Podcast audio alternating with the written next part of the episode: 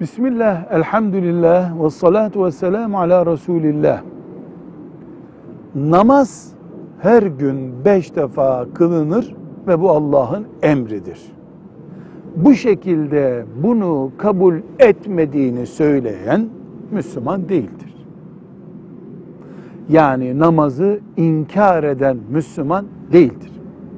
Ama böyle Allah'ın emridir diye kabul ettiği halde tembelliğinden veya başka bir yanlış telakkisinden dolayı namaz kılamayan ve bundan dolayı içinde burukluk hisseden kafir değildir.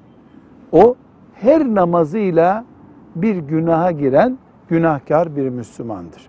Böyle iman ediyoruz. Velhamdülillahi Rabbil Alemin.